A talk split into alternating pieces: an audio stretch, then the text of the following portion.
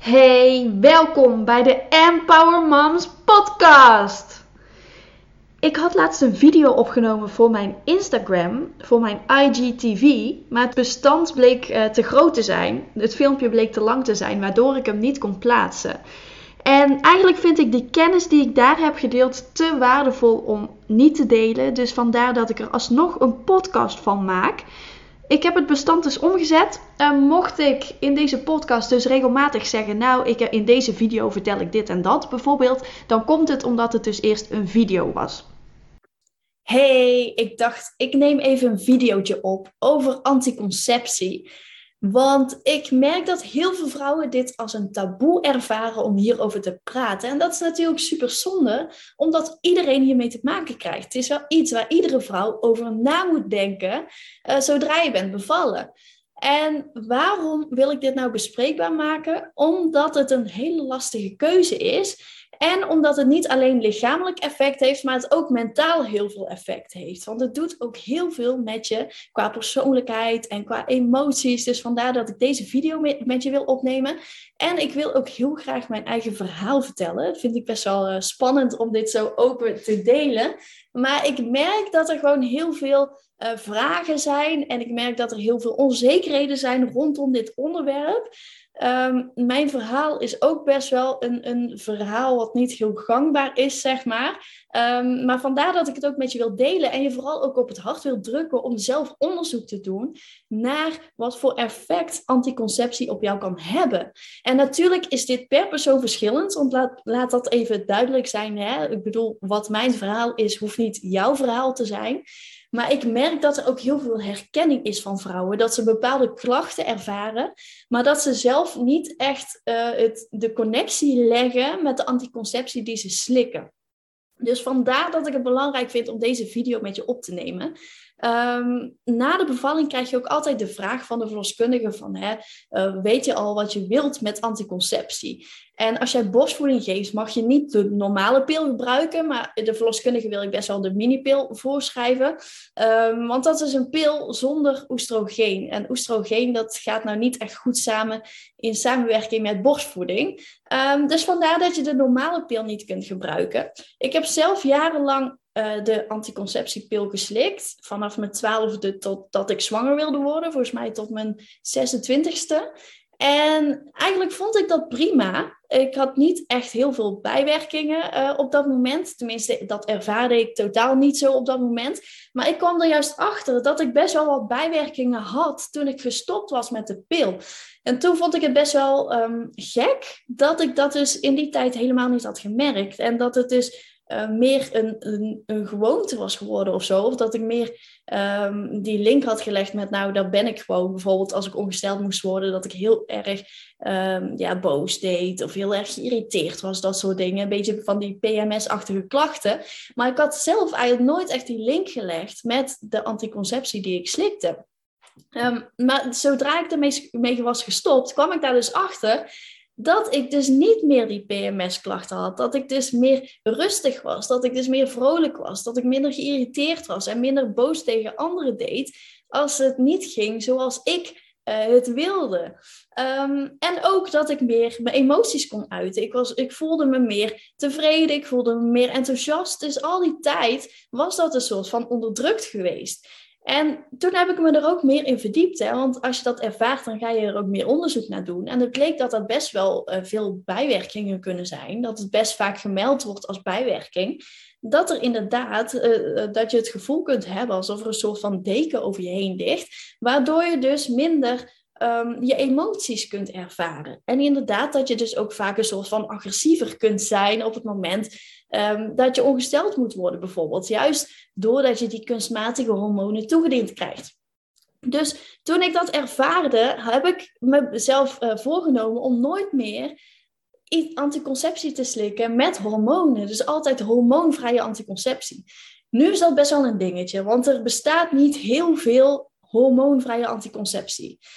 Nou, gelukkig uh, was ik toen uh, zwanger uh, van Evie. hoefde ik even niet aan anticonceptie te denken. En na de bevalling van Evie dacht ik van, nou ja, het heeft nu geen zin om iets te gaan slikken of iets te laten plaatsen. Want binnenkort wil ik een tweede kind en gaan we daarvoor proberen. Dus die paar maanden dat doen we wel even met condooms.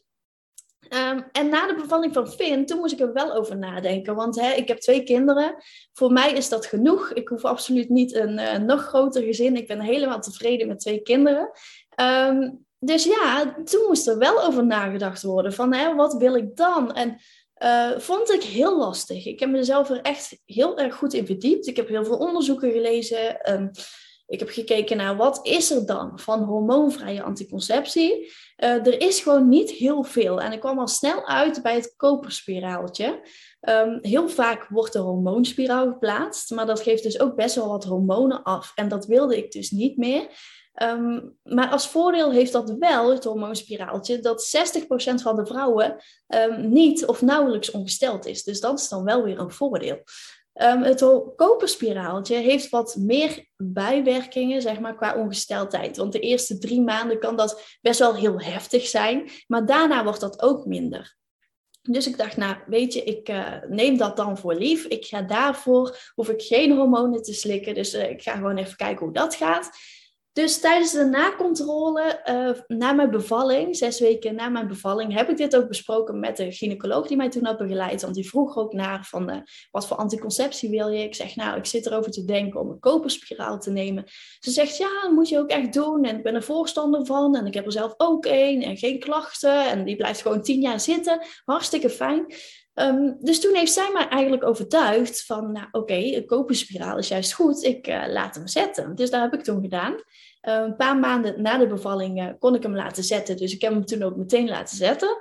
Um, deed ook niet heel veel pijn. Ik had heel veel horrorverhalen gehoord van de vrouwen die zeiden, nou het is echt ellende, het is nog erger dan een bevalling. Echt vreselijk. Maar bij mij viel het gelukkig mee. En daarna had ik wel wat last van krampen en ik voelde hem wel zitten. Het was een beetje een gek gevoel. Het voelde alsof er iets in mijn buik zat wat er niet hoorde.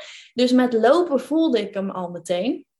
Toen dacht ik, nou oeh, ik uh, weet het nog niet helemaal. Uh, laat ik het gewoon even afwachten. Um, en de eerste drie maanden waren inderdaad super heftig qua menstruatie. Het was echt niet te doen, als ik dat eerlijk mag zeggen. Um, het was zo erg dat ik mezelf gewoon echt super shit voelde. Ik, voel, ja, ik voelde me totaal niet oké. Ik verloor zoveel bloed in één keer dat ik me gewoon helemaal duizelig voelde. Ik moest gewoon op de bank gaan liggen. Ik kon gewoon niks meer vanwege de hoeveelheid bloedverlies. Ik rende elk half uur naar de wc omdat ik anders doorlekte. Ook s'nachts, ja, weet je, ik dacht, nou, als dit drie maanden duurt en daarna weer normaal is, dan kan ik ermee leven. Um, dus ik dacht, nou, even volhouden. Heb ik gedaan. Het was niet heel makkelijk, maar ik vond mezelf... Ja, ik, ik vond het zo stom om hem bijvoorbeeld na één maand alweer eruit te laten halen, weet je wel? Ik dacht, ja, dat is ook niet helemaal de bedoeling. En daarna werd die menstruatie uiteindelijk wel een stukje minder, gelukkig. Maar het bleef nog steeds heel heftig. Maar de afgelopen maanden, want ik heb hem uiteindelijk uh, één jaar en uh, drie maanden heb ik hem gehad. Maar de afgelopen maanden merkte ik dat ik meer last kreeg van andere dingetjes, van, van kwaaltjes. En ik kon er eerst, ja, ik kon die connectie niet echt leggen eerst met de spiraal.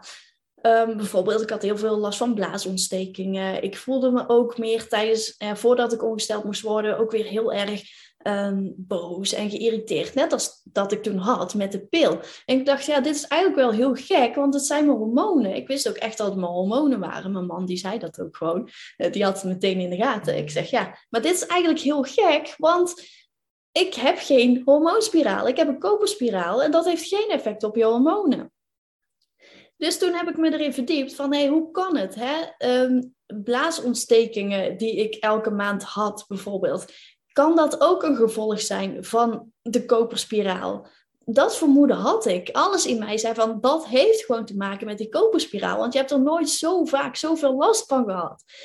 Um, op dat moment ga je onderzoek doen. Als je merkt dat je bepaalde klachten krijgt die je niet kunt verklaren, waardoor het komt. En um, ja, ga je erin verdiepen. En er waren inderdaad onderzoeken die zeiden van eh, dit kan. Um, de, elke dag wordt er wat koper uitgescheiden met een koperspiraal. Dat komt in je bloedbaan terecht en kan dus ook voor veel effect zorgen op andere gebieden.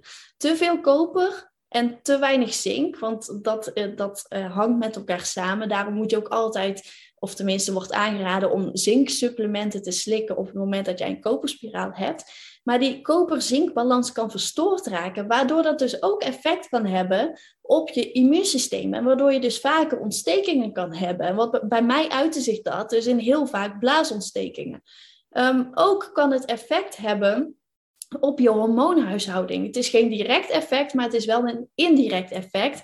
Doordat dat koper ook weer effect heeft op je progesteron en je oestrogeen. En dat zijn juist die hormonen die belangrijk zijn bij je vrouwelijke cyclus. Dus ik dacht van, hé, hey, ik, ik wil iets zonder hormonen. En het heeft natuurlijk geen direct effect, maar het heeft dus schijnbaar wel effect op hoe ik mij voel, op hoe ik mij gedraag. En dat is juist helemaal niet de bedoeling. En ik merkte dat het ook elke maand steeds erger werd. Um, dat, ja, dat vond ik heel gek. Ik was er niet meer tevreden over. Ik, um, um, dit was ook, ja, die voordelen, die wogen ook niet meer op tegen de nadelen, zeg maar. Die nadelen overhe overheersten. Um, en hij moest er gewoon uit. Ik, ik, was er helemaal klaar mee. Dus ik heb van de week de dokter gebeld. Ik heb gezegd, nou, haal hem er alsjeblieft uit. Want ik word er helemaal gek van. Dus dat heeft hij gedaan. En um, nu heb ik even niks. nu zit ik eigenlijk wel te denken van, ja, wat moet ik nou? Um, ik denk dat ik even gewoon niks, niks doe. Uh, we gaan maar weer uh, over op de good old uh, condoms. En ja, even mijn hormonen de rust geven van al die anticonceptie. En waarom ik dit met je deel? Omdat ik niet de enige ben met dit soort ervaringen en niet de enige ben met dit soort verhalen. Het is niet iets om je voor te schamen. En ik weet dat dit best wel een persoonlijk iets is en dat heel veel mensen um, ja, het, het, lastig vinden om dit te delen. Um, maar als jij voelt, hé, hey, er klopt iets niet in mijn lijf, ga er dan alsjeblieft mee naar de dokter. Of ga zelf je onderzoek doen. En kijk of het inderdaad komt door de anticonceptie die jij gebruikt.